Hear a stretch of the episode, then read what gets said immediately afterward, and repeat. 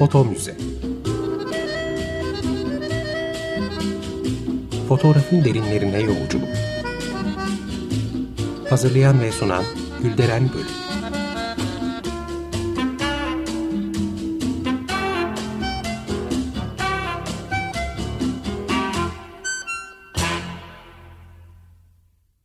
Merhaba değerli dinleyiciler, fotoğraf tarihçiniz ben Gülderen Bölük. Yeni bir foto müzede yine birlikteyiz.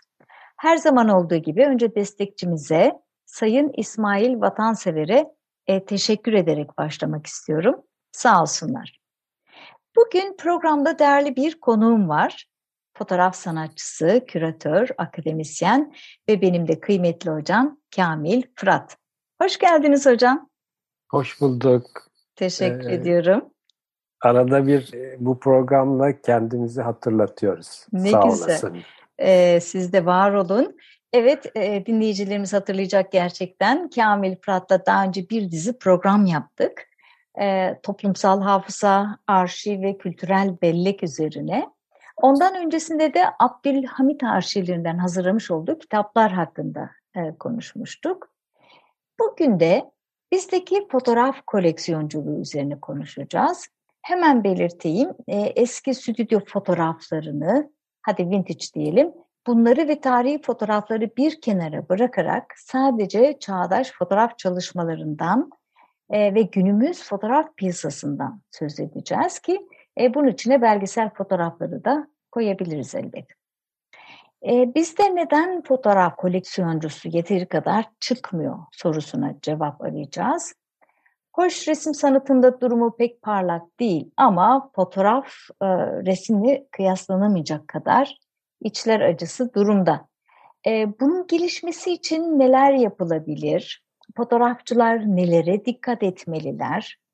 E, koleksiyonerlerin refleksleri genelde nasıldır veya nasıl olmalı gibi birçok sorunun peşinde koşacağız ve tüm bunlara bağlı olarak koleksiyon yapmak isteyecek, heveslenecek biri fotoğrafı bilmiyorsa ilk adım neler yapmalı gibi gibi soruların peşine düşeceğiz.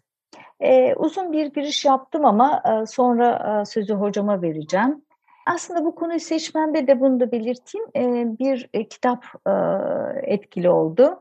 Mine Söğüt'ün kaleme aldığı Adalet Cimcoz'un yaşam öyküsünü anlatan eser.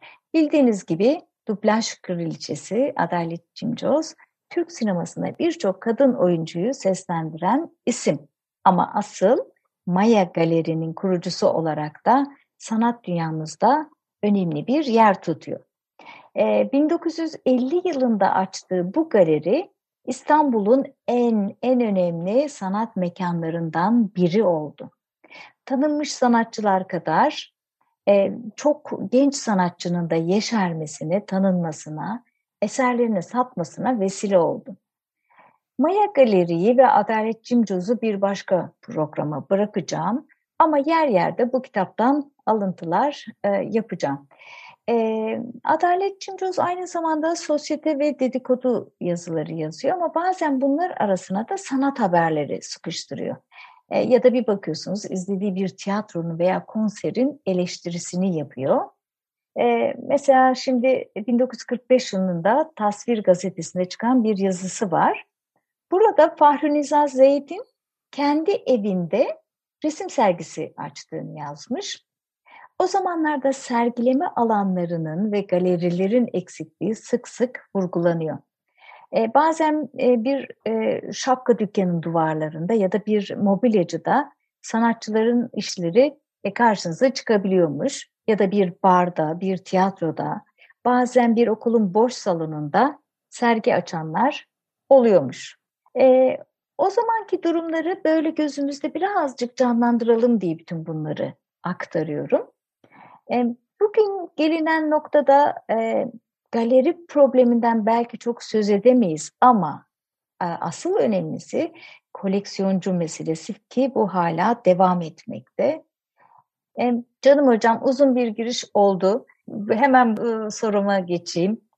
Bizde neden böyle bir istek oluşmuyor? Bu para meselesi mi, zevk meselesi mi, kültür meselesi mi? Çünkü alma ihtimali olup da almayanlar da var. Böyle bir refleksleri yok ya da akıllarına gelmiyor sanırım. Ne dersiniz? Yani tabii bu büyük bir problem ama e, önce çuvaldızı fotoğrafçılar kendilerine batırmak zorunda. Neden batırmak zorunda? E, zaten tırnak içinde söylüyorum, e, sanat ortamında problemli bir alanla uğraşıyor. Fotoğraf. Yani çoğu kişi için sanat olmayan bir iş gibi görülen e, bir alanla uğraşıyor fotoğrafçı. Yani fotoğrafçılar e, sanat lafını da kullanıyorlar, çok kullanıyorlar üstelik. Ama onun gereklerini yerine getiriyorlar mı? Bu bir problem aslında. Yani bu sorunun cevabını bulmak lazım. Ee, onun cevabı bulunduktan sonra işte galeri, e, efendim koleksiyoner, işte daha sonra müze, bütün bunlar e, onun üzerine inşa edilebilir. E, birinin e, bir e, sanatçının işini alması için açıkçası e, o sanatçının yaptığı işte belli bir disiplini ve sürekliliği olması gerekiyor. E, o olabilirse birileri, aa evet hani bu iş ya da bu kişinin işlerinin e, koleksiyonu e, yapılabilir diye düşünebilir.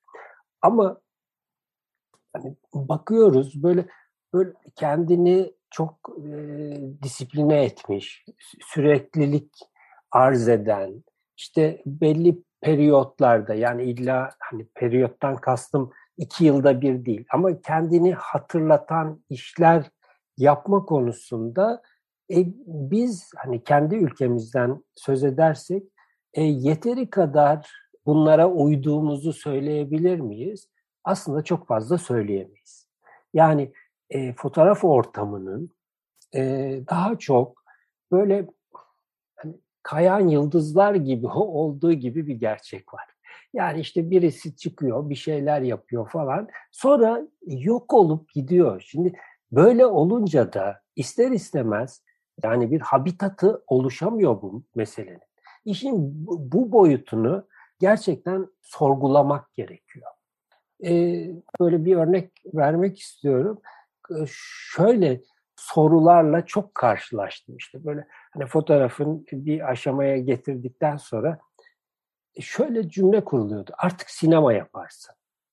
Şimdi hani, anlatabiliyor muyum? Yani ömrün boyunca ölene kadar aslında fotoğrafla uğraşabilirsin. Ama genel algı bile ve bunu söyleyenlerin bir kısmı da fotoğrafçı. Yani evet hani burada bir şeyler yaptın. E tamam artık sinema yapabilirsin. Şimdi böyle olduğunda yani böyle bir bakıştan söz ettiğimizde ister istemez e, galeri, galeri sahibi, e, koleksiyoner, biraz şey yapabilir, e, tedirgin olabilir. Bir de işin tabii başka bir boyutu var.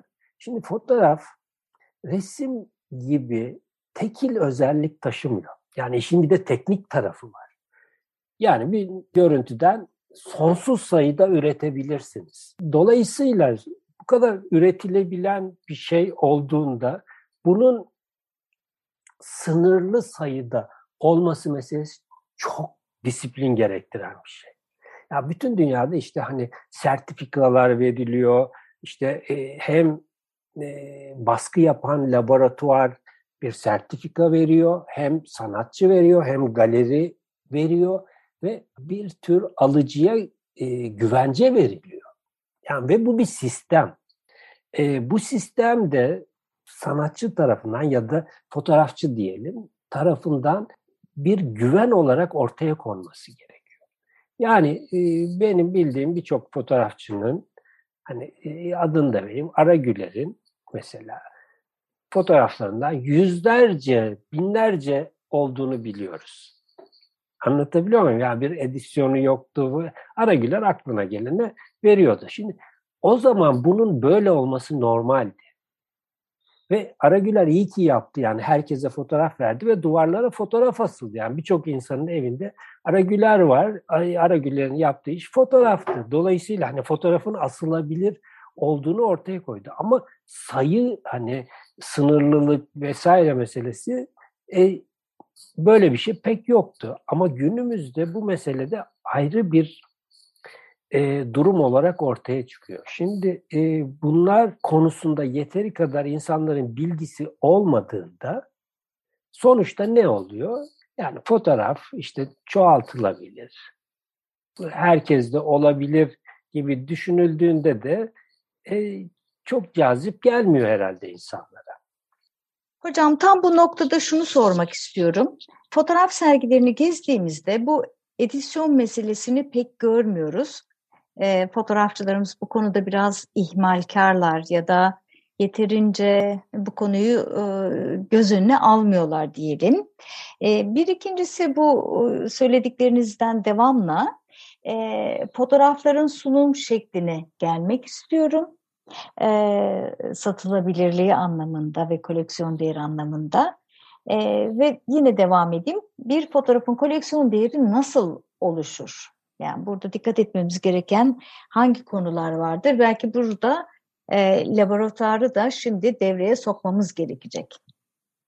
E, bir fotoğrafın bazı özellikler taşıması gerekiyor.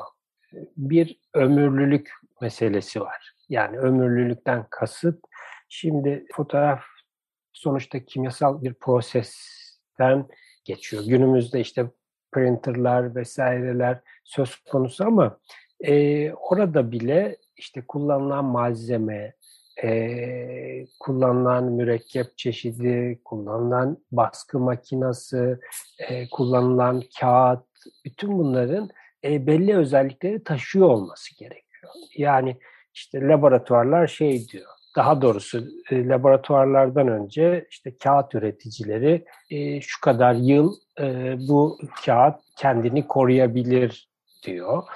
Ondan sonra işte mürekkep üreticileri e, sürekli e, yenilikler yapıyorlar işte e, bu ömrü uzatmak için. E, laboratuvarlar işte e, kullandıkları maki, baskı makineleri vesaire oradaki işte e, sistemlerde bir takım uygulamalar yapıyorlar bir kere bu tarafında çok titiz olunması gerekiyor. Yani e, fotoğraf tarihinde çok kaza var bu konuda. Bunlardan bir tanesi mesela e, çok e, gündeme geldiği için Cindy Sherman Amerikalı fotoğrafçının baskıları müze tarafından alınmıştı ve rakamlar inanılmaz yüksekti ve e, sonra e, baskılar bozuldu ve böyle mahkemelik e, durumlar oldu vesaire.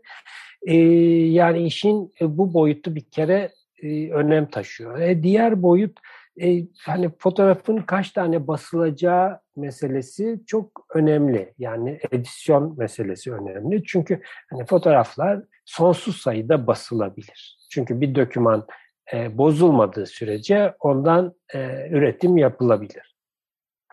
E, burada da e, hani bu fotoğrafın kaç tane e, basılacağı meselesinin fotoğrafçı tarafından deklare edilmesi gerekiyor ve e, onun da güvence altına alınması gerekiyor. Ne demektir güvence altına alınması? İşte sertifika yapılması gerekiyor.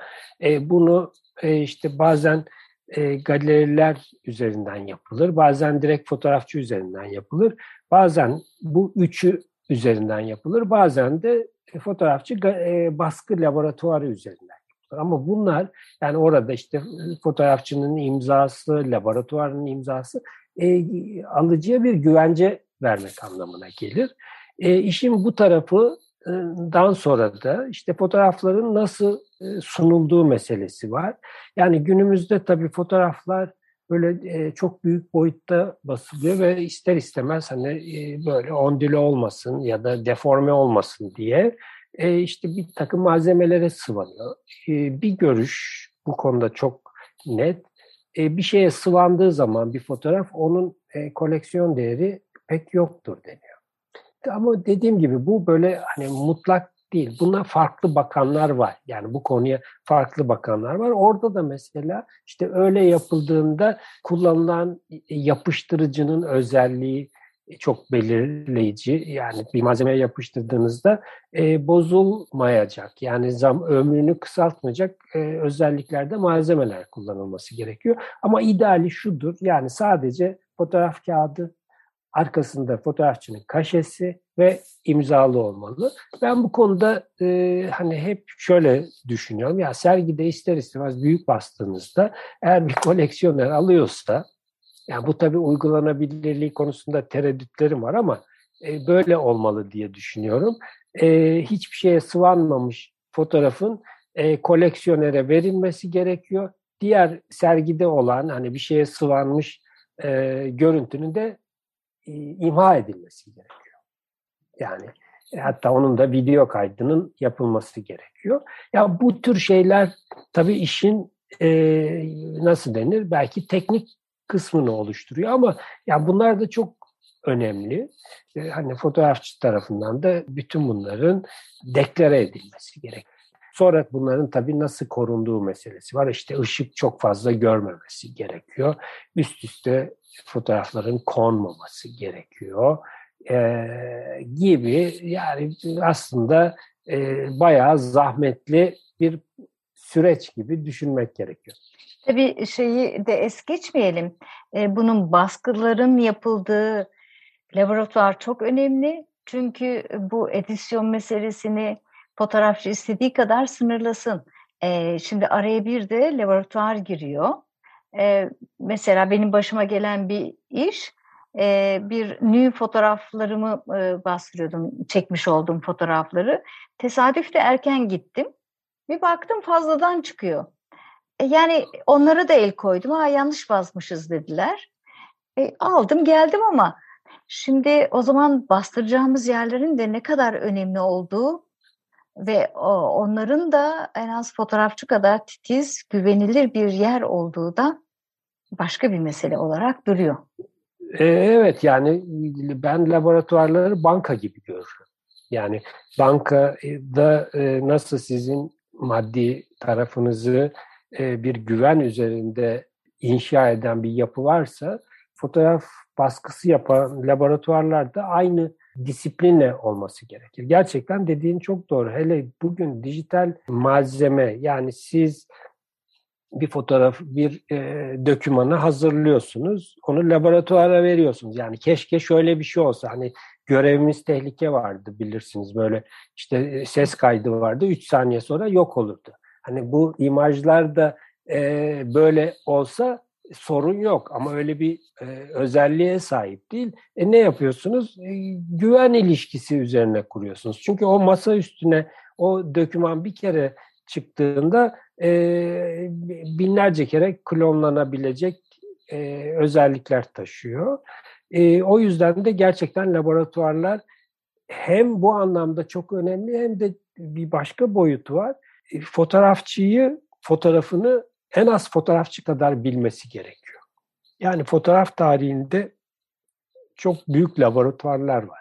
Yani e, bildiğimiz ünlü fotoğrafçıların e, çok hani mesela Henry Cartier-Bresson'un fotoğraflarını Paris'te bir laboratuvar basar. Laboratuvardaki laborant bir Sırp'tı, teknisyen. E, herhalde Henry Cartier-Bresson fotoğrafını Henry Cartier-Bresson'dan daha iyi biliyor olabilir çünkü karanlık odada nereye müdahale edileceğini çünkü onu da bilmesi gerekiyor. Yani siz evet bir döküman veriyorsunuz ve o döküman şey sizin belirlediğiniz bir döküman. Ama e, bu işte o kadar çok e, değişken var ki ister istemez laboratuvar bunu bildiğinde yani bunları bilincinde olduğunda doğru düzgün baskı üretebiliyor. O nedenle gerçekten dediğine çok katılıyorum. Laboratuvarlar bu meselenin önemli bir bölümünü oluştur. Peki yine buradan devam edecek olursak neler yapılabilir? Mesela derneklerde de pek çok fotoğrafçı yetişiyor. Sadece okullarda değil, okuldan mezun olanların bile aslında işin bu boyutunu çok düşünmediklerini ben görüyorum. Konularda daha mı çok makale yazılsa, daha mı çok altı çizilse acaba? Çünkü hakikaten koleksiyoncu böyle bir piyasanın oluşması için ilk başta e, bizim e, piyasaya e, doğru bir ürün çıkartmamız gerekiyor. E, yani çok katılıyorum. Yani bu işin böyle 3-4 ayağı var. Bir tanesi fotoğrafçı, işte bir tanesine yapıt diyebiliriz. Bir tanesi galeriler. E, ondan sonra eleştirmenler ve koleksiyonerler. Yani bunlardan bir tanesi noksan olduğunda aslında sistem zincir kopuyor. E şimdi Türkiye'de birkaç tanesi yok. Dolayısıyla da yani tabii ki Türkiye'de fotoğraf satılmıyor değil, satılıyor. Yani koleksiyonerler tarafından alınıyor. Ama o kadar dar ve küçük bir alanda ki zaten Türkiye'de sanat ortamının değeri konusunda e, çok tartışmalar var. Bunun içinde fotoğraf çok küçük bir alan oluşturuyor. Oysa fotoğraf e, hani Türkiye gibi ülkelerde bu alanın, sanat alanının belki e, başat unsurlarından bir tanesi olabilir. O özelliklere sahip. E, ama e, işte yeteri kadar galeriniz yok. Yani sanat galeriniz yok, fotoğraf galeriniz neredeyse hiç yok. Hani aslında İstanbul'da mesela bu nüfus yoğunluğuna baktığınızda e, sadece fotoğraf galerisi böyle onlarca olması gerekiyor. Ama hani galerinin olabilmesi için e, sonuçta galerilerde ticari kurumlar. Yani böyle hayrına e, bu işleri yapacak e, yapılar değil. E, e, hani satılmayan malın e, alıcısından işte söz edemiyoruz o zaman. Anlatabiliyor muyum? Evet. E, bu ortamın e, yani önce fotoğrafçıların bu konuda belki daha e, büyük çabalar içine girmesi gerekiyor. Ya fotoğrafçılar biraz hani böyle e, sergiler çok, çok açılıyor e, ve hani sergiyi e, daha çok insanlar şu duyguyla açıyor. Ya bakın ne güzel fotoğraflar çektim ben. Haberiniz var mı? Evet yani bu hani anlaşılır bir şeydir. Ama bu, bu işin sürdürülebilmesi için de yani bir insanın başka bir iş yapıp e, hani gelir elde edip e, gidip e, fotoğraf çekmesi bana mesela çok anlaşılır gelmiyor. Çünkü insanlar uğraştıkları işle yaşamalılar. E, şimdi e, fotoğraf üretiyorsanız hani çoğu kişi şey diyor mesela fotoğrafla uğraşıyorum diyorsun başka ne iş yapıyorsun diyor. Şimdi böyle bir mantık olamaz. Anlatabiliyor muyum? Yani evet profesyonel fotoğrafçılar belki şey yapıyorlar. İşte hani bir ürünün fotoğrafını çekiyor, para kazan. Ama e, bu işin hani sanat boyutuyla uğraşan insanların da e, işlerinin öyle veya böyle e, satılması gerekiyor ve oradan hem yaşamını sürdürmesi gerekiyor hem yeni işler, yeni projeler üretmesi gerekiyor. E şimdi e, yani bakın ben ne güzel fotoğraf çektim diye yola çıktığınızda olmuyor tabii bu.